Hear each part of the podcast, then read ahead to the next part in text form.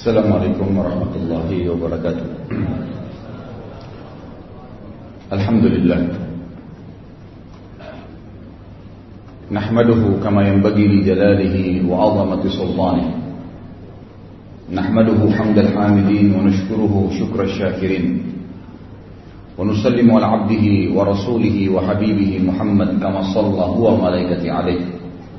عدد خلقه ورضا نفسه وزينة عرشه ومداد كلماته ملء السماوات وملء الأرض وملء ما شئت من شيء بعد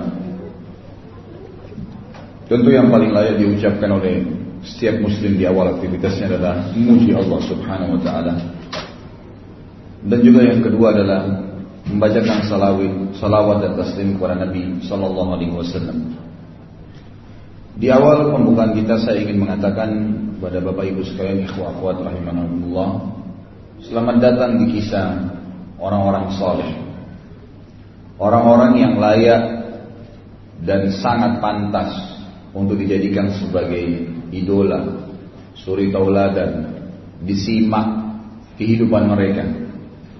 Orang-orang yang telah mencatat buku-buku sejarah dunia bukan cuma sejarah umat Islam, sejarah dunia. Dengan tinta-tinta emas dari perilaku-perilaku mereka dalam kehidupan. Sosok-sosok yang tadinya di padang pasir tidak bisa membaca, bahkan banyak di antara mereka yang tidak bisa menulis, tapi dengan wahyu dari langit mereka menjadi manusia-manusia memimpin dunia. Mereka manusia-manusia yang disegani oleh musuh-musuh. Mereka yang selalu dirindukan oleh orang-orang yang beriman. Serial tentang sahabat yang mulia ini saya berdoa secara khusus kepada Allah SWT akan diberkahi dan dimudahkan. Sebagaimana Allah telah mudahkan kita pada bulan yang lalu membahas tentang menggapai derajat siddiq bersama uh, Abu Bakar radhiyallahu anhu kita pada pagi ini akan membahas menjadi Faruq bersama Umar bin Khattab radhiyallahu anhu. Saudaraku, Faruq diambil dari kalimat faraqa yufariqu atau lebih tepatnya sebenarnya juga diambil dari farraqa yufarriqu yang artinya membedakan, memisahkan, memilah dengan jeli dan tepat. Itu artinya. Kalau dikatakan Faruq itu ismul fa'il namanya. Dinisbatkan kepada pelaku.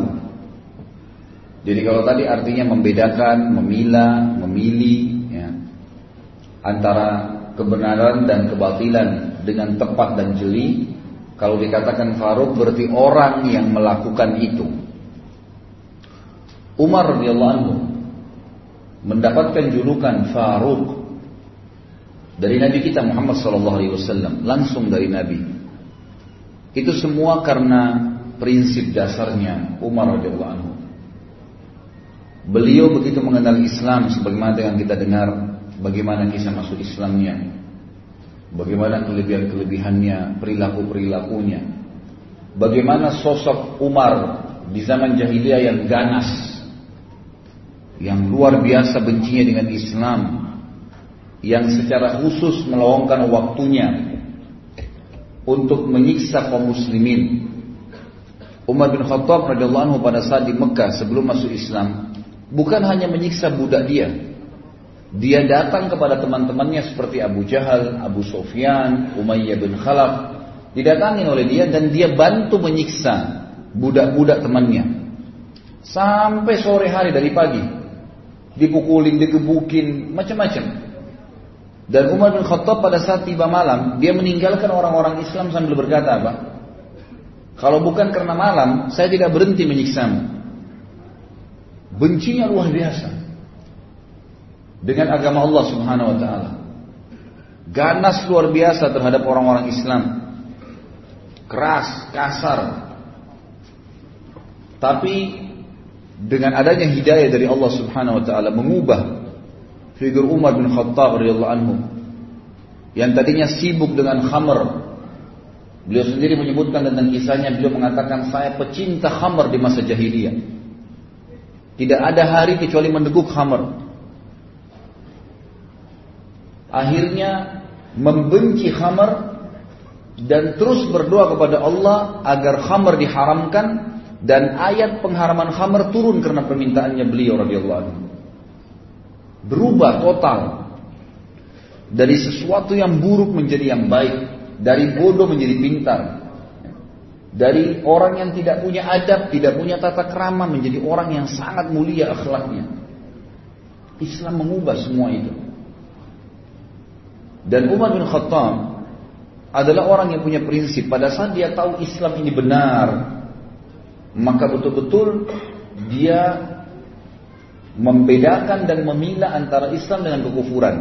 Hijrah 100%. Dia membedakan antara kebenaran dengan kebatilan dan ini akan menjadi inti bahasan kita nantinya. Bagaimana kita bisa menjadi Faruq bersama Umar radhiyallahu anhu? Agar bukan mustahil kita bersama dengan beliau di surga nanti. Saya jelaskan pada saat membahas Abu Bakar di awal-awal bahasan kita di seri pertama dan ini adalah seri kedua dari serial sahabat kita. Bagaimana seseorang di antara kita mengambil hikmah yang sangat besar dari ternukilnya kepada kita kisah-kisah para sahabat. Terutama 10 sahabat yang jamin masuk surga yang akan kita bahas di 10 pertemuan pertama kita nantinya. Dengan izin Allah tentunya. Maka kita lihat kisah-kisah mereka dinukil kepada kita ikhwan dan akhwat sekalian bukan hanya sebuah dongeng, seremoni, meramaikan tulisan para ulama, bukan. Agar setiap orang beriman di antara kita mengambil pelajaran dari kisah mereka bukan mustahil kita bisa menjadi orang yang sedik bersama Abu Bakar bukan mustahil. Kita menjadi orang yang faruk bersama Umar dan akan bulan depan kita akan bahas membeli surga dengan harta bersama Uthman bin Affan radhiyallahu anhu majma'in. Setelahnya kita akan bahas Ali menjadi prajurit yang dicintai oleh Allah dan Rasulnya bersama Ali bin Abi Thalib radhiyallahu anhu majma'in. Kisah-kisah mereka ternukil kepada kita, terukir dengan sangat lengkap, terinci. Apa perilaku-perilaku mereka selama mereka hidup, agar kita menjadi mengambil pelajaran dan bukan mustahil kita bersama mereka di surga. Bukankah ada 70 ribu dari umat Muhammad SAW yang masuk surga tanpa hisab? Bukankah ada hadis lain yang mengatakan dan Nabi SAW meminta lagi kepada Allah dimudahkan maka Allah memudahkan di setiap satu orang dari 70 ribu itu membawa 70 ribu yang lainnya. Semoga Allah SWT menjadikan kita termasuk di antaranya. Masuk surga tanpa hisab bersama dengan orang-orang yang sudah dimuliakan oleh Allah SWT dari kalangan sahabat Nabi Ridwanullahi alaihi. Umar bin Khattab ini punya banyak sekali fadilah. Tetapi yang dititik beratkan adalah bagaimana Umar bin Khattab ini bisa ditakuti, disegani oleh musuh-musuh Allah sampai pada tingkat syaitan pun takut dengan Umar. Padahal Umar nggak melihat syaitan itu. Kira-kira apa kata kuncinya? Di pembukaan ini saya akan sebutkan dan penulis buku menyebutkan tentang masalah itu. Beliau mengatakan, ini adalah Al-Faruq. Menyebut namanya menghiasi majlis pertemuan setiap orang yang beriman. Padanya terbaca kebenaran ungkapan. Semua orang yang membahas Umar dan menyimpulkan ternyata sampai dia sukses sebagaimana kita pelajari nanti dari anak atau dari seorang anak muda yang pemabuk, yang jahat, yang ganas sama orang Islam atau orang mukmin di Mekah menjadi seorang yang beriman yang sangat ya baik sebagaimana kita lihat nanti yang sangat luar biasa perjuangannya membela agama Allah ya, dan sangat tegas dengan orang-orang kafir sampai menjadi raja kaum muslimin dan meninggal mati syahid di Madinah. Ternyata kata kuncinya kata beliau adalah barang siapa yang takut kepada Allah takut kepada Allah, niscaya Allah akan membuat segala sesuatu takut padanya. Jadi rahasianya Umar bin Khattab ditakutin nanti kita lihat sama musuh-musuhnya dari kalangan manusia dan jin pun. Jin kalau melihat Umar bin Khattab nanti kita jelaskan hadisnya lewat di sebuah lembah. Umar nggak lihat, dia sengaja cari lembah lain karena takut dengan Umar anhu. Kata kuncinya karena Umar bin Khattab sangat takut dengan Allah Subhanahu wa taala. Disebutkan cirinya adalah Beliau kalau mendengar atau membaca Al-Quran Terlintas ayat tentang azab Maka beliau pingsan. Setiap kali dengar ayat pasti pingsan. Bahkan pernah sekali beliau baca Quran, itu pingsan ya, dan sadar beberapa saat kemudian dan merasa sakit tubuhnya karena takutnya dengan ayat tersebut selama sebulan. Dan para sahabat mengunjunginya karena sak, dianggap sakitnya tadi. Tidak pernah kena apa-apa, nggak ada penyakit khusus, tapi karena takut pada saat membaca tentang ayat azabnya Allah Subhanahu Wa Taala. Di kedua, bawah matanya kelopak matanya ada garis berwarna hitam. Dan ini tidak mudah kulit seseorang itu bisa bergaris warna hitam dan seperti ada lubang mengalirnya tempat air. Ini karena banyaknya Umar bin Khattab menangis kepada Allah Subhanahu wa taala setelah masuk Islam. Sebagaimana juga mudah-mudahan nanti akan ada beberapa kisahnya. Dialah laki-laki yang terang-terangan tentang Islamnya pada saat orang menyembunyikan Islam itu sendiri. Dia yang sengaja mengorbit Islamnya. Nanti juga akan kita lihat kisahnya. Dia laki-laki ikhwan dan akhwat sekalian yang menambal bajunya pada saat menjadi khalifah dan memakai baju biasa dan tidak punya pengawal. Tidak pernah takut kecuali kepada Allah Subhanahu wa taala. Dialah laki-laki yang syaitan lari darinya. Dialah laki-laki yang tidak pernah tidur malam hari kecuali sudah memastikan dan lagi kaum muslimin yang susah pada saat itu. Dialah laki-laki yang merupakan mujahid terbesar ya, yang dicatat dalam sejarah. Karena di zaman Umar bin Khattab disepakati oleh para sejarawan muslim adalah masa ekspansi Islam terbesar. Runtuhnya ya, kerajaan Persia secara keseluruhan, Rusia, Afghanistan, Iran, Irak, semua wilayah Persia dulu itu runtuh di zaman Umar radhiyallahu anhu. Gitu. Begitu pula wilayah sebagian besar wilayah Romawi negeri Syam, ya, kemudian Mesir, wilayah Afrika, takluk ya jadi dua sisi, timur dan baratnya dunia ini takluk di zaman Umar bin Khattab dan masuk Islam pada saat itu. Berapa banyak pahala yang beliau panen? Radhiyallahu anhu dan nanti akan kita jelaskan masalah itu. Dialah dikatakan orang yang tidak mau makan sampai kelaparan pada saat masyarakatnya ditimpa peceklik dikenal dengan amramada. Nanti akan kita jelaskan juga masalah itu. Dialah orang yang selalu mengucapkan kebenaran walaupun pahit dan tidak pernah takut kecuali kepada Allah Subhanahu wa taala. Kata penulis, dialah Faruq umat ini yang telah mengguncangkan singgasana orang-orang zalim, meruntuhkan benteng-benteng uh, raja-raja Kisra dan kaisar Romawi. Orang-orang sombong lagi congkak tunduk kepada ya, uh, keadilannya. Bendera kezaliman tertunduk di depan panji keadilannya. Dialah orang yang sangat zuhud, seorang ulama ahli ibadah pencemburu terhadap orang-orang yang melanggar hukum Allah dan juga orang yang sangat takut kepada Allah Subhanahu wa taala. Orang yang punya tekad yang baja, pembunuh fitnah-fitnah dan juga orang yang paling gencar menghidupkan sunnah Nabi sallallahu alaihi wasallam. Ini kurang lebih kronologis yang disebutkan oleh penulis buku. Sekarang kita masuk siapa Umar bin Khattab radhiyallahu anhu. Umar bin Khattab ini sebenarnya adalah salah satu dari suku Adi. Adi ini suku dari Quraisy dan bertemu dengan Nabi Shallallahu Alaihi Wasallam di kakek kelima atau keenamnya. Di zaman jahiliyah, Umar ini sangat dekat dengan Umar yang lain. Ada dua orang Umar dulu di zaman jahiliyah yang terkenal sekali pemimpin Mekah. Itu adalah Umar bin Khattab dan Umar bin Amr bin Hisham atau dikenal dengan Abu Jahal. Dua orang ini terkenal dengan Umarain ya, di Mekah. Dua Umar yang terkenal sekali. Dua-duanya punya prinsip hidup, dua-duanya orangnya kekar, tubuh, tubuhnya tinggi besar, kepala suku, ya, yang memimpin pada saat itu karena di Mekah tidak ada raja, satu raja yang memimpin tapi semua kepala suku mereka bersatu di Darun Nadwa kemudian mereka ya sama-sama mengambil keputusan untuk Mekah dan Umar sama um, Umar Umar bin Amr atau Abu Jahal dengan Umar bin Khattab ini dua-duanya adalah orang yang sangat berpengaruh makanya kita akan jelaskan nanti. Umar bin Khattab ini punya kisah masuk Islam. Itu karena doa Nabi Shallallahu Alaihi Wasallam. Nanti akan saya jelaskan sebentar. Umar bin Khattab ini tugasnya di masa jahiliyah dulu adalah sebagai duta, sebagai duta. Dan duta ini adalah sosok orang yang menggambarkan atau menyimbolkan sebuah negara sebagaimana kita tahu. Dan duta ini sama dengan presiden. Dia nggak boleh diganggu dan dia harus punya kelebihan, keterampilan baik itu dalam membela dirinya ataupun mempertahankan prinsip-prinsip dasar negaranya. Dan Umar bin Khattab adalah duta, gitu kan? Bagi orang-orang Quraisy ke mana pun dia yang diutus untuk pergi dan kalau menghadapi orang-orang yang susah, keras kepala, berat untuk ditangani maka Umar bin Khattab lah yang diminta oleh orang-orang Quraisy untuk menghadapinya. Di masa jahiliyah dia sangat buruk kehidupannya karena Umar bin Khattab maksudnya buruk dalam pandangan Islam dan kutip ya. Beliau selalu mabuk, beliau selalu menyembah berhala, agak berbeda sedikit dengan Abu Bakar. Abu Bakar memang orang yang dari zaman jahiliyah nggak pernah buat masalah. Memang masa jahiliyah itu subhanallah Abu Bakar hidupnya mulus-mulus saja.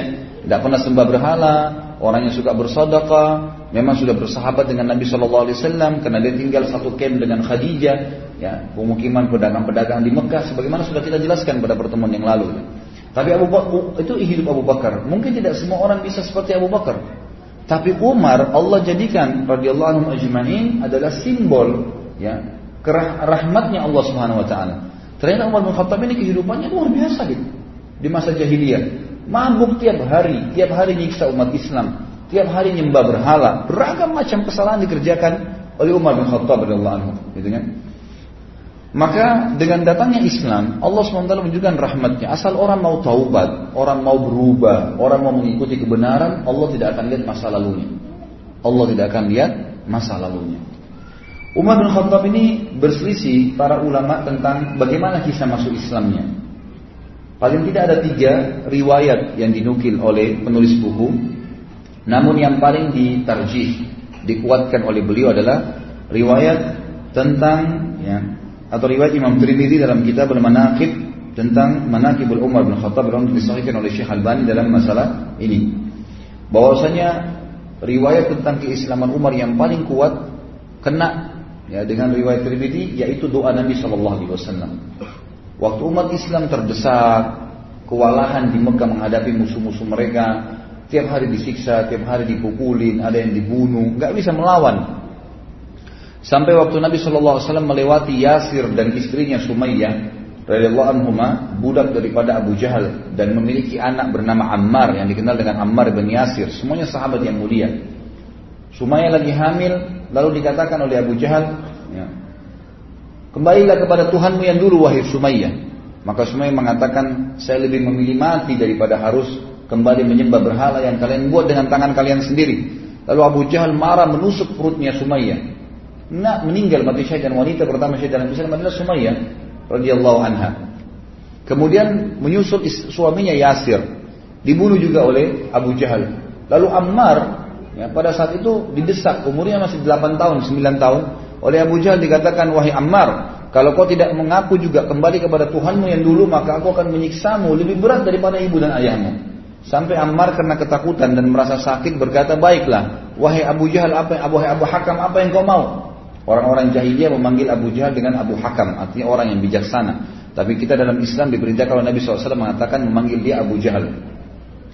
Maka dia mengatakan baik apa yang kau mau? Kata Abu Jahal, ya, lewat seekor unta, dia mengatakan, katakanlah kamu kufur kepada Muhammad dan Tuhan yang Muhammad. Dia mengatakan saya kufur. Abu Jahal belum puas nih. Lewat seekor unta kata Abu Jahal, saya belum puas sampai kau bilang unta ini Tuhan saya. Maka Ammar pun mengatakan unta ini Tuhan saya. Lalu Abu Jahal membiarkan dia. Pada saat mereka lagi proses disiksa, Nabi kita Muhammad SAW lewat di situ. Melihat kejadian tersebut tidak ada kekuatan bagi umat Islam. Bagaimana cara membelahnya nih? Maka Nabi SAW cuma mengucapkan kalimat Sabran ala Yasir fa inna mau'idakumul jannah. Sabarlah wahai keluarganya Yasir, pasti kalian dengan mati ini masuk surga. Lalu Nabi SAW lewat menuju ke rumah beliau. Ammar pun mengikuti Nabi SAW lalu berkata, Ya Rasulullah, saya telah kufur. Ibu saya dan ayah saya dibunuh oleh Abu, Abu Jahal. Dan saya pun dipaksa, akhirnya saya mengucapkan secara terpaksa saya kufur kepada risalah anda. Dan saya juga mengatakan unta Tuhan saya. Maka kata Nabi SAW, Wahai Ammar, kalau besok kau dilakukan lagi, kau diperlakukan lagi yang sama dengan Abu Jahal, ucapkan apa yang dia mau. Karena sungguhnya kau tidak kufur, hatimu tidak seperti itu. Maka turunlah firman Allah Subhanahu wa taala yang menjelaskan tentang perilaku Ammar ini. Illa man ukriha wa qalbu mutmainnun bil iman. Tidak masuk kekufuran kalau orang itu sebenarnya mengucapkan kalimat kufur karena terpaksa sementara hatinya penuh dengan keimanan. Turun kepada Ammar radhiyallahu anhum ajma'in. Pada saat itulah Nabi SAW berdoa. Mengatakan dalam doanya Allahumma izzal islam bi ahadin bi ah bi ah bi ahabb hadaini rajulaini ilaih bi Abi Jahal bin Hisham dalam riwayat dikatakan bi Umar ya bin Amr bin Hisham dan yang kedua au bi Umar bin Khattab. Hadis ini sebagaimana saya jelaskan tadi riwayat Tirmidzi dan disahihkan oleh Syekh Albani. Artinya ya Allah, kata Nabi SAW dalam doanya, muliakanlah Islam ini dengan salah satu dari dua orang yang paling engkau cintai. Itu Abu Jahal Ibn Hisham, Umar bin Amr bin Hisham atau Umar bin Khattab. Kata perawi hadis dari keduanya ternyata yang lebih Allah cintai adalah Umar bin Khattab sehingga Allah memberikan hidayah. Ini pendapat yang dikuatkan oleh penulis mengatakan ini pendapat yang paling kuat tentang masuk Islamnya Umar bin Khattab. Yang kedua adalah kisah yang lain tentang masuk Islamnya Umar bin Khattab dan ini dinukil oleh um, Imam Bukhari dalam kitab sahihnya. Kisahnya kurang lebih bahwasanya Umar bin Khattab ini pernah marah dengan Nabi Shallallahu Alaihi Wasallam jadi setelah melihat kejadian di Mekah, simpang siur, setiap hari orang bicara tentang Muhammad, Muhammad, Muhammad, Muhammad. Terus pengikutnya Muhammad disiksa, orang Quraisy bertengkar, berkelahi, suku sama suku saling bermusuhi, suku sama suku saling bertengkar, gitu kan? Suami istri terpisah dengan suaminya. Oh, bin Khattab bilang Muhammad sudah gila. Gitu kan? Saya harus bunuh Muhammad. Itu perkataan Umar Khattab di awal. Saya harus bunuh Muhammad. Maka dia pun keluar dengan baju perangnya, membawa pedangnya, gitu kan, keluar khusus untuk membunuh Nabi Sallallahu Alaihi Wasallam, gitu kan. Lalu dia pun mendatangi Abu Jahal dan berkata kepada Abu Jahal. Pada saat itu Abu Jahal mengatakan, saya akan memberikan 100 ekor unta yang membunuh Muhammad. Maka Umar berkata, betulkah yang kau bilang hai Abu Jahal? Dia bilang iya. Baik, Umar bin Khattab keluar membawa pedangnya sekaligus menyatukan antara hadiah yang dikejar 100 ekor unta itu dengan ya, bencinya dengan Nabi Shallallahu Alaihi Wasallam pada saat itu. Dan ini ya, sebagaimana saya sebutkan tadi di sini ditulis diriwayatkan Imam Bukhari dalam kitab Manaqibul Ansar bab Islam Umar bin Khattab. Dikatakanlah maka Umar bin Khattab pun jalan kan? Kemudian menuju ingin mencari Nabi SAW waktu itu dia tidak tahu Nabi SAW itu di mana. Ketemulah dia dengan seseorang yang bernama Nuaim bin Abdullah. Nuaim bin Abdullah ini seorang sahabat sudah masuk Islam dari keluarganya Umar.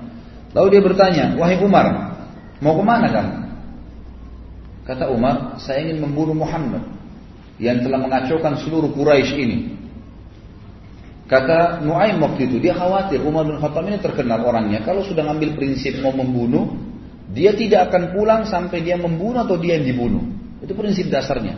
Selalu begitu di masa, masa jahiliyah. Dan dia terkenal hampir sama kekuatan fisiknya sama Hamzah radhiyallahu anhum. Ya, ajma'in. Hamzah ini terkenal dulu kalau berburu di Mekah, itu berburu singa, harimau, dibunuh, berburu ya. Lalu kemudian dia pikul harimau atau singa sendiri di pundaknya. Karena kuatnya Hamzah radhiyallahu dan Umar bin Khattab juga sama. Terkenal dua orang ini kalau berburu berburunya bukan rusa, bukan kelinci, bukan kambing liar, unta, enggak. Dia berburu singa, harimau, dibunuh sendiri kemudian dipikul di pundaknya masuk ke Mekah, dikulitin dimakan sama dia. Jadi memang orang-orang yang sangat kuat secara fisik. Umar bin Khattab ini karena tegasnya maka Nuaim bin Abdullah ini takut radhiyallahu jangan sampai dia betul-betul datang membunuh Nabi SAW. Bagaimana caranya? Maka dia pun akhirnya terlintas dia bilang tidak ada di benak saya waktu itu kecuali saya ingin mengalihkan Umar agar tidak menuju ke rumah Nabi SAW. Waktu itu Nabi sedang berada di Darul Arqam, rumah salah seorang sahabat ya, yang terkenal dijadikan sebagai basis dakwah Nabi SAW. Maka Nuaim Abdullah berkata radhiyallahu anhu, wahai Umar, apakah kau mengira nanti suku Abdul Muttalib dan suku Hashim, suku Nabi SAW akan membiarkan kamu kalau kau bunuh Muhammad? Dia bilang saya nggak peduli. Walaupun dua suku itu berperang dengan saya sendiri. Betul-betul prinsip dasar mau membunuh ini, gitu kan? Lalu kata Nuaim bin Abdullah tidak terjadi di mana saya pada saat itu kecuali satu hal. Saya bilang, kenapa kamu sibuk mengurus Muhammad, ayah Umar? Sementara adikmu sendiri Fatimah, Fatimah bin Khattab, ini adik kandungnya Umar bin Khattab perempuan, dengan suaminya adik iparmu Said bin Zaid. Sa'id bin Zaid radhiyallahu adalah salah satu dari sepuluh yang masuk surga nantinya, gitu kan? Itu adik iparnya Umar bin Khattab. Jadi Umar sama adik iparnya dua-dua dapat jaminan surga. Dari 10 sahabatnya masuk surga. Sa'id bin Zaid ini. Mereka sudah masuk ikut agamanya Muhammad. Bagaimana bisa kau sibuk dengan Muhammad sementara keluargamu sendiri belum kamu urus? Maka Umar marah mengatakan, apakah benar Fatimah adikku sudah sabak, ya, artinya sudah keluar meninggalkan agama Tuhannya? Kata uh, Nuaim, iya benar. Silakan kau pastikan sendiri. Maka Umar bin Khattab waktu itu tidak tahu di mana Nabi SAW berada dan dia tahu rumah adiknya, dia menuju ke rumah adiknya. Jalan dari ke rumah adiknya. Tiba di rumah adiknya, ternyata adiknya Fatimah binti Khattab dan suaminya Sa'id bin Zaid sedang belajar Al-Quran dari seorang sahabat tadinya bekas budak yang dibebaskan oleh Abu Bakar namanya Khabbab bin Arad. Khabbab bin Arad adalah guru Al-Quran. Dia ajar mengaji lagi dengan ayat. Begitu mereka dengar suara langkah Umar bin Khattab. Dalam beberapa asar dikatakan Umar ini saking badannya besar. Kalau dia melangkah suara kakinya terdengar. Maka didengar oleh Fatimah dan mereka tahu itu adalah langkah Umar. Dengan suaranya juga dikenal dari Umar. Maka mereka pun menyembunyikan Khabbab bin Arad di kamar kemudian menyembunyikan beberapa lembaran Al-Quran yang waktu itu masih tertulis di kulit-kulit unta. Lalu Umar mengetuk pintu tidak dibukakan, lalu dia mendobrak pintu dan rubuh pintu itu. Kemudian dia berkata kepada Fatimah dan Said, adiknya dan adik iparnya, apa tadi yang saya dengar itu? Apakah itu yang Muhammad ajarkan? Kata Fatimah, tidak ada sesuatu yang kau dengar. Apa yang kau dengar tadi? Lalu dia mengatakan, tadi saya dengar. Tidak usah kalian rahasiakan. Perlihatkan kepada saya itu. Waktu itu kebetulan lembaran Al-Quran dipegang oleh Fatimah. Lihat, disembunyi di belakang badannya tapi kelihatan. Umar mengatakan, pasti itu yang kamu pegang, berikan kepada saya. Fatimah memang mau. Maka Umar menampar adiknya. Waktu ditampar keluar darah jatuh. Suaminya Said bin Zaid berusaha mendekat, gitu kan? Waktu mendekat dipukul juga sama Umar. Jatuh dua-duanya. Waktu jatuh Umar sudah tinggal mengambil kertas saja, tapi Allah eh, kulit itu saja. Tapi Allah swt memudahkan waktu itu hatinya Umar terbuka. Dia lihat adiknya jatuh berdarah, belum pernah dia mukul adik kandungnya sendiri. Maka dia pun mengatakan, kenapa kau selalu terlalu ngotot mempertahankan ini? Kata adiknya, jangan kau pegang hai Umar. Karena kau najis, nggak mungkin kamu bisa memegang ini. Kau masih dalam keadaan kafir. Kalau kau mau memegangnya, maka mandilah dulu. Umar pun akhirnya masuk ke dalam rumah, minta pamit mandi. Setelah mandi dia keluar dikasihlah lembaran tersebut. Kebetulan waktu itu beberapa ayat di dalam kertas di dalam kulit itu dari surah Toha. Nah, surah Thaha. Lalu Umar pun duduk kemudian membaca. Mulailah membaca. Ya, Thaha ma anzalna ilaikal Qur'ana litashqa illa tadhkiratan liman yakhsha. Terus dia baca. Thaha ya, kami tidak turunkan Al-Qur'an ini kepadamu untuk kamu sedih hai Muhammad. Kecuali hanya peringatan bagi orang-orang yang mau tunduk kepada Allah pencipta langit dan bumi ini. Terus dia baca ayat demi ayat. Gak lama kemudian Umar bin Khattab seperti orang yang lunak. Kita bisa lihat kalau orang lagi tubuhnya dalam keadaan sombong, yang dia kuatkan, dia tegarkan dengan orang yang lagi lunak, gitu kan beda. Maka melihat waktu itu Sa'id bin Zaid melihat Umar bin Khattab agak melunak, lalu dia eh, waktu itu juga waktu Umar membaca, rupanya suaranya agak keras dan ini dalam bahasa Arab dia ngerti. Umar itu bisa membaca, ya. Maka dia membaca pun maka dari dalam kamar waktu Umar membaca ayat tersebut dan bacaannya benar, karena itu bacaan dalam bahasa Arab dan dia tahu maka Khabbab bin Arad, guru mengaji tadi dari sahabat Nabi yang bekas budak yang dibebaskan Abu Bakar dalam ini, keluar. Lalu melihat keadaan tersebut, Umar bin Khattab berkata, di mana Muhammad? Khabbab bin Arad tahu bahwasanya Umar ini sudah lunak nih. Dia mengatakan, wahai Umar, kalau kau mau saya yang tunjukkan. Maka Khabbab bin Arad pun memegang tangan Umar lalu sama-sama menuju ke Darul Arkam. Tiba di Darul Arkam, ikhwan dan sekalian, dari kejauhan, bulan Darul Arkam ini dua lantai. Lantai kedua, ada seorang sahabat yang memang ditugaskan oleh Nabi SAW untuk memantau. Kalau ada orang-orang Quraisy yang datang atau mengetahui kegiatan mereka, maka mereka bubar. Gitu. Begitu dia lihat dari jauh, ternyata ada Habab bin Arad datang, lagi berada di sebelahnya Umar bin Khattab. Dan Habab bin Arad ini memegang tangan Umar. Tapi dari kejauhan, kesannya seperti Umar yang memegang dia. Karena besarnya tangan Umar, gitu kan. Maka yang sahabat di lantai dua rumah ini mengira Umar bin Khattab menawan Khabbab bin Arad gitu kan dan dia datang untuk membunuh Nabi SAW maka berteriak dari atas sahabat ini Umar bin Khattab si kafir datang. Gitu kan. Maka semua orang heboh di rumah Darul Arkam Umar bin Khattab yang datang. Lebih baik orang-orang Quraisy 10-20 orang daripada Umar yang datang. Gitu kan. Bagi mereka luar biasa kalau Umar datang ini. Berbahaya sekali, gitu kan? Nanti kita lihat setelah masuk Islam bagaimana dia lawan orang-orang Quraisy juga sendirian. Maka dia pun datang ke dekat pintu. Pada saat masuk dekat pintu, Maka semua sahabat waktu itu hirup-hirup dalam rumah. Hamzah radhiyallahu anhu waktu itu sudah masuk Islam sebelumnya. Dan duduk lalu berkata, biarkan dia masuk. Kalau dia niat buruk, saya akan menghadapinya. Maka Nabi SAW mengatakan, masukkan Hamzah ke dalam kamar. Hamzah disuruh sembunyikan. Ini bukan perkelahian. Nabi SAW sudah tahu. Dimasukkan ke dalam ruangan. Lalu kata Nabi SAW, bukakan buat dia. Begitu dia masuk, begitu dibukakan pintu, Umar bin Khattab lihat Nabi SAW tundukkan pandangannya. Lalu Nabi SAW memegang pundaknya, bajunya dengan keras dan menyentaknya sambil mengatakan, Wahai Ibnu Khattab, apakah kau menunggu azabnya Allah turun padamu baru kau beriman? Maka Umar diam. Nabi SAW sentak kedua kali, Wahai Ibnu Khattab, Apakah kau menunggu azabnya Allah turun kepada baru kau mau beriman? Sampai tiga kali lalu Umar bin Khattab tertul, jatuh berlutut di tanah lalu mengatakan, saya beriman kepadamu ya Rasulullah. Lalu dia syahadat. Pada saat dia syahadat seluruh Darul Arkam bertakbir. Karena besarnya takbir kaum muslimin bangga dengan Umar masuk Islam terdengar sampai di dekat Ka'bah takbir mereka. Gitu kan? Jadi saking besarnya. Ini salah satu kisah yang berhubungan dengan masuk Islamnya Umar bin Khattab. Riwayat yang lain maksud saya. Riwayat yang ketiga adalah riwayat yang dinukil oleh Imam Ahmad. Ya. Mohon maaf, bukan. Riwayat di sini dikatakan sebenarnya sanadnya dhaif. Ya. Sanadnya dhaif, tapi ini disebutkan oleh Imam Az-Zahabi dalam Al-Mizan. Ini dikarenakan karena riwayat ini terdapat Abdurrahman bin Harith seorang rawi yang jujur sebetulnya, tapi dia memiliki kekeliruan dalam meriwayatkan hadis. Jadi sebenarnya dhaifnya lemah pun tidak terlalu lemah. Ya karena dia bukan pembohong, dia bukan ahli maksiat, cuman dia kadang-kadang keliru kalau menyampaikan hadis. Lafadznya ada yang tertukar. Maka didaifkan. Tapi ulama tentu nanti saya simpulkan akan menggabungkan tiga riwayat dan mengatakan tidak ada yang berbentrok satu sama yang lain. Intinya Umar bin Khattab sudah masuk Islam dan akhirnya menjadi seorang sahabat yang mulia. Ibnu Ishaq menukil dalam buku sirahnya tentang Ummu Abdullah binti Abi Hasma ya. radhiyallahu anha. Pada saat dia bilang dia cerita Ummu Abdullah ini bercerita demi Allah ketika kami sedang bersiap-siap berangkat ke negeri Habasyah. Mau berangkat ke negeri Habasyah? Maka eh, suaminya Amir namanya sedang menunggu di sebuah lembah yang cukup jauh dari Mekah supaya tidak kelihatan maka satu-satu keluar gitu Ummu Abdillah ini kebetulan masih punya hubungan kerabat dengan Umar bin Khattab dan waktu itu terkenal terdengar di orang-orang Quraisy bahwa muslimin sudah mau hijrah, mau melarikan diri dari Mekah dan orang-orang Quraisy berjaga-jaga. Termasuk Umar bin Khattab yang berjaga-jaga, ya berusaha menahan umat Islam jangan sampai hijrah ke Habasyah. Ada yang hijrah dibunuh, dengan berusaha dibunuh.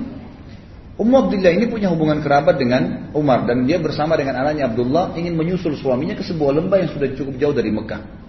Pada saat dia mikul-mikul barangnya, melewatin lembah demi lembah, tiba-tiba sebelum keluar dari pintu gerbang Mekah, ada Umar bin Khattab berdiri. Kagetlah Ummu Abdillah ini. Lalu Ummu Abdillah berkata, Sungguh kami mendapatkan ujian berat melalui kalian. Maksudnya orang-orang musyrik Mekah. Ya. Kami tidak pernah dibiarkan oleh kalian. Mau beriman pada Allah di Mekah, diganggu. Mau hijrah pun ditahan. Umar bin Khattab kaget waktu itu melihat Ummu Abdillah karena kerabatnya perempuan ya. Kemudian malam-malam bawa barang pikul-pikul bawa anaknya masih kecil Abdullah yang waktu itu masih umur 2 atau 3 tahun ya. lalu Umar kesian mengatakan wahai Ummu Abdillah mau ke mana kamu? Kata dia saya mau ke Habasyah mau hijrah. Karena kami nggak bisa ibadah menyembah Allah di sini. Kalian paksa kami untuk menjadi musyrik. Maka Ummu Abdillah kaget waktu itu berkata ya saya tiba-tiba melihat ada lunak dalam hati Umar dan tiba-tiba saja dia mengatakan semoga keselamatan bersama Muhammadillah pergilah. Padahal Umar bin Khattab ini sudah niat keluar untuk membunuh siapa pun orang Islam yang hijrah gitu. Pada saat bertemu Ummu ini dengan suaminya di lembah yang sudah janjian di luar Mekah tiba-tiba suaminya tanya tadi Ummu ada nggak orang yang kau temuin dari Quraisy? Kata Ummu Abdillah nggak ada kecuali Umar gitu kan kata suaminya Umar bin Khattab itu musibah yang besar gitu kan itu bahaya sekali kalau kau ketemu dengan dia. Lalu kata Ummu Abdillah, tapi dia sempat lunak. Dia bahkan mengatakan kepada saya, semoga sel engkau selamat wahai Ummu Abdillah. Mudah-mudahan menjadi penyebab masuk Islamnya, gitu kan? Lalu kata Amir, Amir ini suaminya Ummu Abdillah. Dia mengatakan, orang yang engkau lihat tadi itu, Umar bin Khattab maksudnya, tidak akan pernah masuk Islam sebelum keledainya Al-Khattab masuk Islam.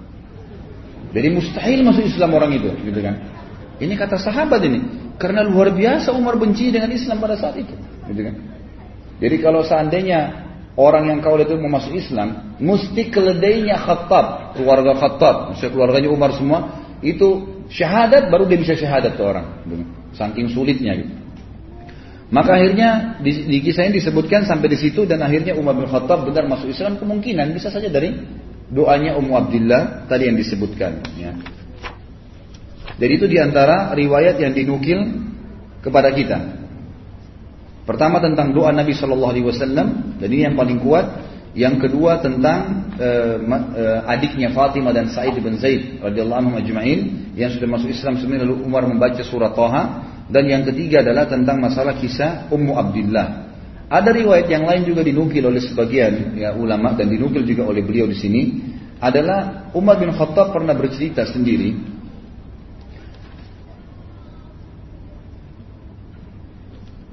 Dia mengatakan aku dulu adalah orang yang sangat membenci Islam, pecandu khamar di zaman jahiliyah. Aku sangat menyukai dan selalu meminumnya.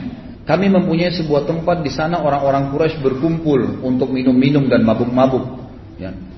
Dan pada saat itu satu malam aku keluar untuk berkumpul dengan teman-temanku untuk mabuk-mabuk. Lalu aku melihat, ya Rasul ini Umar cerita setelah dia masuk Islam ya. Lalu aku melihat Rasulullah SAW sedang di dekat Ka'bah dan sedang menyembah Allah. Maka aku pun berkata, cobalah aku mendengarkan apa yang disampaikan oleh Muhammad. Ini riwayat lainnya. Lalu kemudian aku pun menyelipkan diri di antara kiswanya Ka'bah.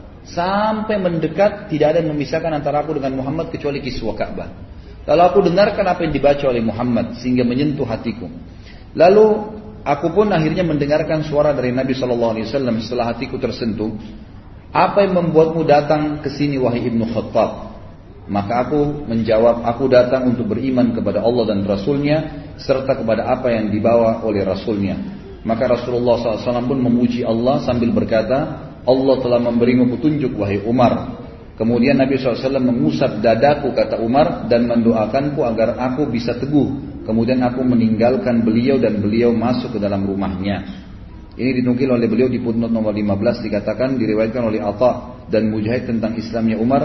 Ibnu Hishaq juga menyebutkan di dalam buku sirahnya bahwasanya Abdullah bin Abi Najih al-Makki menyampaikan kepadaku dari Ishaq dan sanatnya ini mursal tapi memiliki penguat-penguat dari riwayat-riwayat yang lain.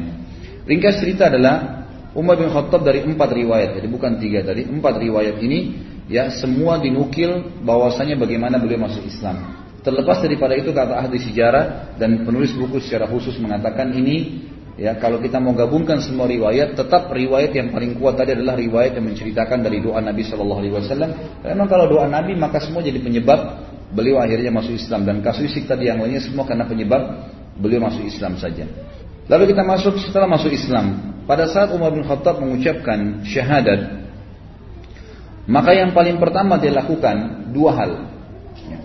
Begitu dia syahadat depan Nabi SAW dia melakukan dua hal. Yang pertama adalah dia langsung bertanya, kata Abu Umar radhiyallahu dalam riwayat yang sahih, riwayat Imam Bukhari, disebutkan bahwasanya pada saat Umar bin Khattab masuk Islam syahadat, dia menanyakan kepada para sahabat, siapakah di antara orang-orang Quraisy yang paling tidak bisa pegang amanah?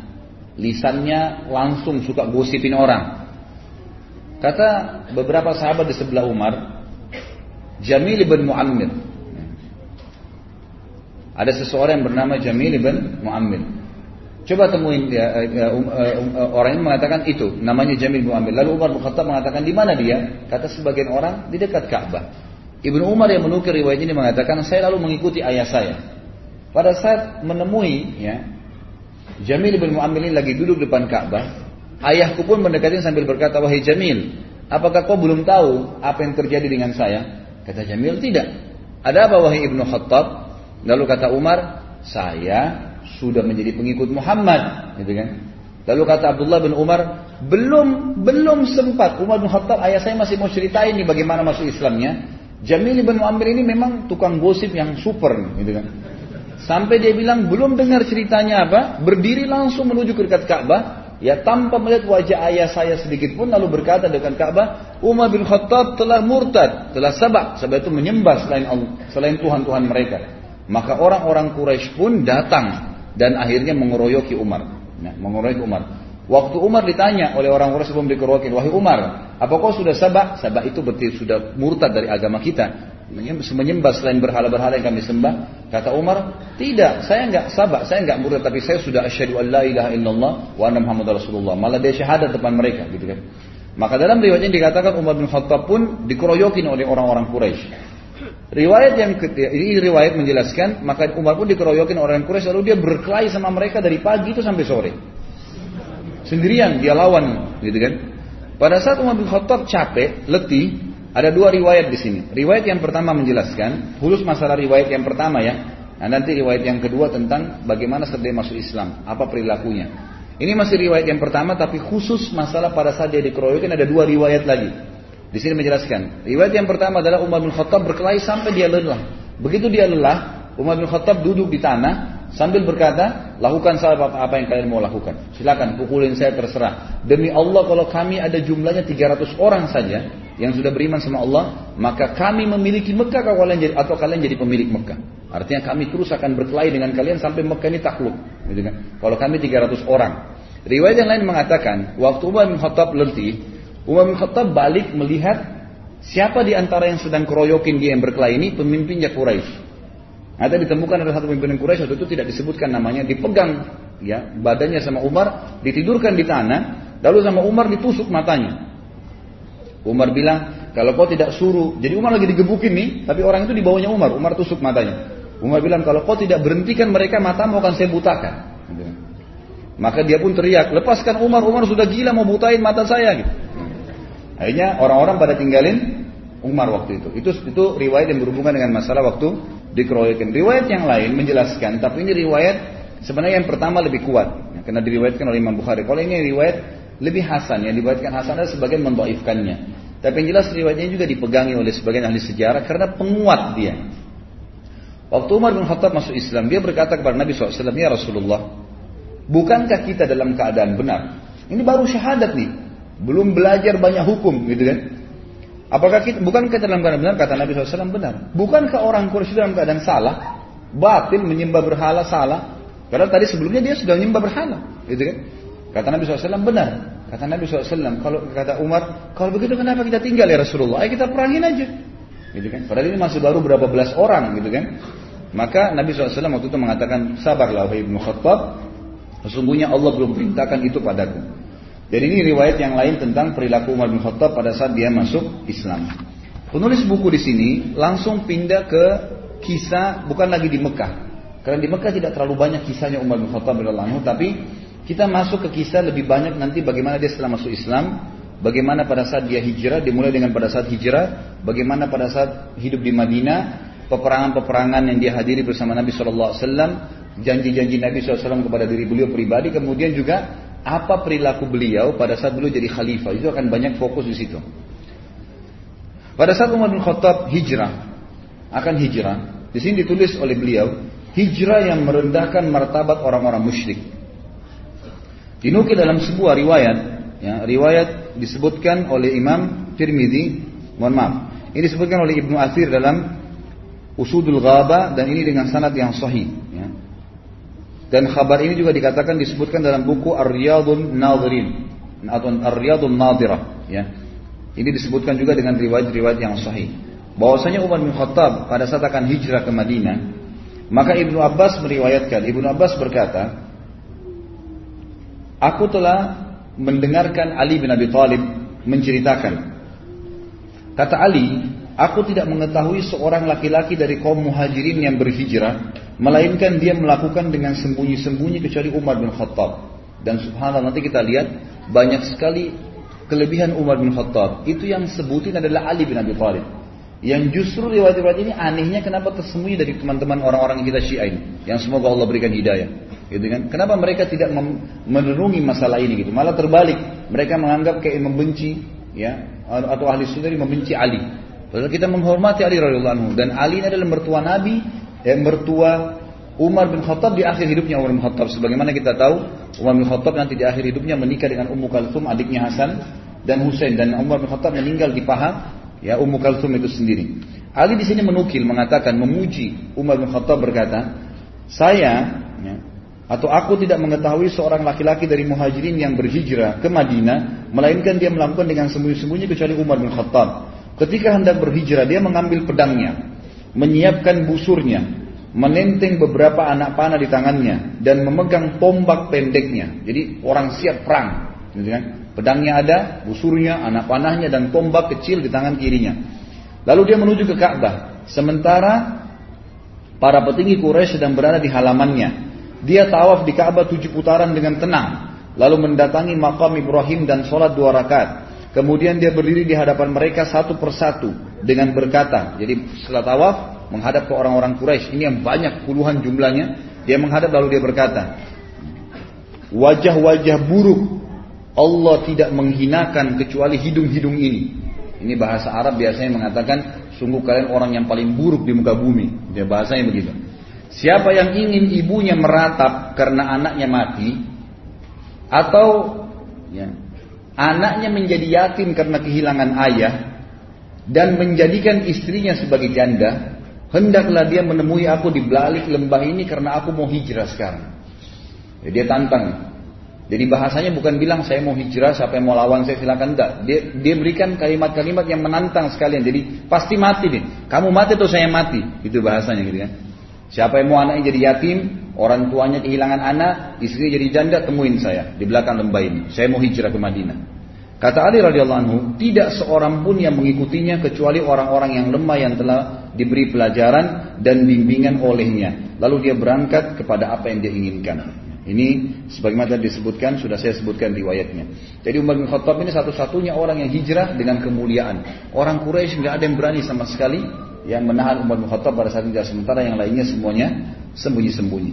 Baik, mari kita dengar ikhwan akhwat sekalian beberapa manakib. Manakib ini kayak fadilahnya lah ya, kelebihannya Umar bin Khattab yang disampaikan oleh Nabi sallallahu alaihi wasallam. Yang pertama adalah hadis yang sahih riwayat Imam Tirmidzi itu disebutkan di putut nomor 19 di mana Nabi sallallahu alaihi wasallam pernah bersabda kepada para sahabat, "Ni'mar rajulu Abu Bakar wa ni'mar rajul Umar. Sebaik-baik laki-laki untuk menjadi pendamping hidup, menjadi pemimpin, menjadi teman, menjadi ayah, menjadi anak adalah Abu Bakar dan sebaik-baik orang juga laki-laki adalah Umar. Hadis ini ulama menyebutkan bahwasanya ini fadilah buat Abu Bakar dan Umar. Jadi kena di sini Nabi SAW memilih. Kalau dalam bahasa Arab dikatakan nikmar rajul, Artinya dia sebaik-baik laki-laki tadi semua posisi. Sebagai anak kah, sebagai ayah kah, sebagai suami kah, sebagai saudara kah, sebagai guru kah, sebagai murid kah. Pokoknya sebagai laki-laki dalam apa pun profesinya, ini adalah orang yang terbaik dua orang. Abu Bakar dan Umar. Yang kedua adalah hadis yang diriwayatkan oleh Abu Dawud dan Trimidi dan disahihkan oleh Syekh Albani di mana Nabi kita Muhammad SAW bersabda inna ahlal darajatil ula la yarahum man, man tahtahum kama tarawna an-najma at-tali'a fi ufuqis sama' wa inna Abu Bakr wa Sesungguhnya penghuni derajat-derajat yang tinggi terlihat nanti di surga. Mereka bisa melihat orang-orang yang berada di bawah mereka. Seperti kalian melihat bintang-bintang di ufuk. Artinya mereka bisa melihat kelihatan istana orang-orang yang di bawah mereka. Dan sesungguhnya Abu Bakar dan Umar termasuk mereka berdua yang telah mendapatkan kenikmatan itu. Artinya akan mendahului derajat yang tinggi di surga. Hadis yang ketiga adalah hadis riwayat Bukhari dan Imam Muslim. Dua-duanya meriwayatkan Nabi SAW bersabda, "Laqad kana fi man qablakum min al-umami nasun muhaddatsun min ghairi an yakunu anbiya. Fa iyyakum fi ummati ahadun fa innahu Umar." Di antara umat-umat sebelum kalian dulu, ada orang-orang yang diberikan ilham oleh Allah berbicara kemudian menjadi hukum. Allah tentukan menjadi hukum dari lisan mereka. Sementara mereka bukan nabi-nabi. Dan kalau itu ada di umatku maka dia adalah Umar. Maka dia adalah Umar. Nanti akan kita lihat beberapa ayat-ayat Al-Quran turun justru dengan ya perkataan dari Umar bin Khattab. Ini fadilah yang ketiga. Fadilah yang keempat, mohon maaf, masih fadilah yang ketiga, tapi riwayat yang lain. Dikatakan oleh Nabi SAW, "Laqad kana fi man kana qablakum min bani Israel rijalun yukallimuna min ghairi an yakunu anbiya, fa iyyakum fi ummati minhum ahadun fa Umar." Di kalangan orang-orang sebelum kalian dari Bani Israel terdapat orang-orang yang diberikan ilham dan mereka bukan para nabi berbicara tapi jadi hukum akhirnya Allah SWT tentukan menjadi hukum sementara nabi-nabi mereka masih hidup ya wahyu lagi turun sehingga perkataan mereka dinukil oleh Allah di dalam kitab-kitab nabi mereka gitu kan? Karena sesuai dengan apa yang Allah inginkan. Jika pada umatku terdapat seseorang demikian dia adalah Umar. Dia adalah Umar. Fadilah yang selanjutnya ini fadilah yang keempat. Hadis yang diriwayatkan oleh Imam Trimidi juga disahihkan oleh Syekh Albani. Anas bin Malik dan Ali bin Abi Thalib radhiyallahu anhuma keduanya berkata bahwa Rasulullah SAW pernah bersabda kepada Abu Bakar, eh, kepada Ali bin Abi Thalib tentang Abu Bakar dan Umar. Nabi berkata kepada Ali bin Abi Thalib, Hadani sayyida kuhuli ahlil jannah minal awwalina wal akhirin illa nabi illa nabiyina wal mursalin la tukhbirhuma ya Ali Dua orang ini wahai Ali tuannya seluruh orang-orang dewasa penghuni surga dari kalangan orang-orang dulu semuanya orang-orang dulu sahabat-sahabatnya Nabi Nuh sahabat-sahabatnya Nabi Saleh Nabi Shu'aib teman-temannya semua ya orang-orang terdahulu ini Abu Bakar dan Umar adalah tuannya mereka nanti di surga. Kecuali para nabi-nabi dan rasul. Dan jangan kau katakan ini kepada keduanya wahai Ali. Artinya jangan sampaikan kepada mereka karena jangan sampai mereka malah jadi salah faham. Ini termasuk fadilah Abu Bakar dan Umar yang disatukan dalam hadis ini oleh eh, Nabi Shallallahu Alaihi Wasallam bahwasanya mereka pemimpin penghuni surga. Hadis yang agung yang lain adalah riwayat Imam Ahmad, riwayat Imam Tirmidzi dan disahihkan juga oleh Syekh Albani. Hadis yang luar biasa fadilah Umar. Kata Nabi SAW, "Lau kana min ba'di nabiyyun, lakana Umar bin Khattab." Kalau ada nabi setelahku, maka pasti itu adalah Umar bin Khattab. Jadi berarti jelas Umar bin Khattab kalau ada nabi setelah Nabi SAW dia adalah nabi. Artinya kita jadi ikutin gitu kan. Saking luar biasa kedudukannya di mata Allah SWT dan Rasulnya Muhammad Sallallahu Alaihi Wasallam. Fadilah yang selanjutnya yang keenam adalah disebutkan diriwayatkan oleh Imam Ahmad dan Tirmidzi dan disahihkan juga oleh Syekh Albani kata Nabi sallallahu alaihi wasallam inna Allah taala ja'ala al-haqqa ala lisani Umar wa qalbi sesungguhnya Allah telah menjadikan kebenaran pada lisan dan hati Umar jadi sampai pada tingkat apa pun yang dia ucapkan apa yang dia niatkan dalam hatinya semuanya itu kebenaran dibantu oleh Allah subhanahu wa taala Ibnu Umar berkata, tidak ada sesuatu perkara yang menimpa manusia di zaman Nabi SAW Lalu mereka berpendapat tentang perkara tersebut dan Umar pun berpendapat tentang perkara tersebut kecuali Al-Quran turun sejalan dengan pendapat Umar. Ya, ini dinukil dalam riwayat Imam Ahmad. Kemudian juga Tariq ibn Shihab, ini salah satu ulama tabi'in yang masyhur ya, belajar dari para sahabat berkata, kami berbicara di antara kami, di antara semua tabi'in, waktu itu Umar masih hidup, bahwasanya ada malaikat yang berbicara melalui lisan Umar bin Khattab. Jadi seperti apa yang diucapkan itu semua sesuai dengan syariat. Nggak ada yang keluar dari situ. Ini sahih riwayat Imam Ahmad. Kemudian disebutkan juga dalam fadilah yang ketujuh. Ya. Fadilah yang dalam hadis ya. Kalau tadi Abdullah bin Umar itu dan Tariq bin Syihab itu pujian mereka. Tapi sini hadisnya adalah fadilah yang ketujuh. Nabi SAW pernah melihat Umar bin Khattab dalam hadis riwayat Ahmad dan Abdul Razak dan dihasankan oleh Syekh Albani. Nabi SAW pernah melihat Umar bin Khattab memakai baju putih. Lalu Nabi SAW menanyakan, barukah Umar atau baju bekas? Pernah dicuci? Kata Umar, baju bekas ya Rasulullah. Lalu Nabi SAW mengucapkan doa, dan doa ini akhirnya menjadi doa yang dianjurkan untuk setiap muslim mengucapkan kepada muslim yang lain kalau pakai baju baru. Ilbis jadidan, wa ish hamidan, wa mut syahida. Semoga kau selalu pakai baju baru, hai Umar. Semoga hidupmu selalu terpuji. Dan juga semoga pada saat kau mati, kamu mati syahid. Sebagian ulama mengatakan mati syahidnya Umar ini karena doa Nabi Shallallahu Alaihi Wasallam untuknya dalam pakai baju tadi. Fadilah yang selanjutnya yang kedelapan adalah pernah Nabi Wasallam hadis ini riwayat Bukhari dan juga Abu Daud dan Tirmidzi. Waktu di perang Uhud, pasukan muslimin terdesak dan Nabi SAW mengajak sahabat untuk naik di atas gunung Uhud. Waktu itu Nabi SAW didampingi oleh Abu Bakar, Umar dan Uthman radhiyallahu ajma'in. Maka tiba-tiba goncanglah Uhud. Maka Nabi SAW bersabda, "Uthbut Uhud fa inna alaika fama alaika illa nabiyyun wa siddiqun wa syahidan. Tenanglah wahai Uhud, karena di atasmu ada seorang nabi seorang Siddiq Abu Bakar dan dua orang yang akan mati syahid. Maksudnya Umar dan Uthman. Dan memang Umar nanti akan kita lihat di akhir pembahasan kita bagaimana beliau mati syahid dibunuh oleh Abu Lu'lu' al-Majusi. Salah satu orang yang kafir pada saat itu. Kemudian fadilah yang selanjutnya, saya tidak usah sebutkan nomornya, mungkin 9, yang ke-10 dan seterusnya, adalah Pernah Nabi Shallallahu Alaihi Wasallam menjelaskan di dalam hadis riwayat Imam Ahmad dan Imam Muslim juga Nasai dengan sanad yang sahih. Nabi SAW pernah bercerita tentang umat-umat sebelum kita gitu. Kata Nabi SAW, ketika seorang pengembala bersama domba-dombanya datanglah seekor serigala mau mengambil domba. Lalu berhasil ditangkap sama dia. Berhasil serigala itu mengambil dombanya lalu pergi. Lalu si pengembala mengejarnya. Kemudian serigala itu berbicara mengatakan, kalau saya sudah memangsa seperti ini, kau tidak akan bisa mengambilnya. Kata si serigala dalam bahasa si pengembala. Sampai pengembalanya berhenti, nggak jadi ngejar. Gitu kan. Kok bisa serigala ngomong? Lalu kata Nabi SAW, dan juga dari sisi lain, ada seseorang yang sedang membajak, yang, yang sedang menggunakan sapinya, gitu kan. Tapi tidak digunakan untuk membajak sawah, digunakan untuk memikul barang-barang yang berat di punggungnya. Lalu sapi itu berbicara mengatakan, ya, saya tidak diciptakan untuk ini kepada ya pemilik sapinya. Lalu sahabat semua mengatakan subhanallah. Maksudnya antara yakin dengan tidak gitu. Apa kata Nabi Shallallahu alaihi wasallam? Sungguh aku Abu Bakar dan Umar percaya tentang itu. Jadi artinya kalau sudah penyampaian dari saya, nggak ada keraguan.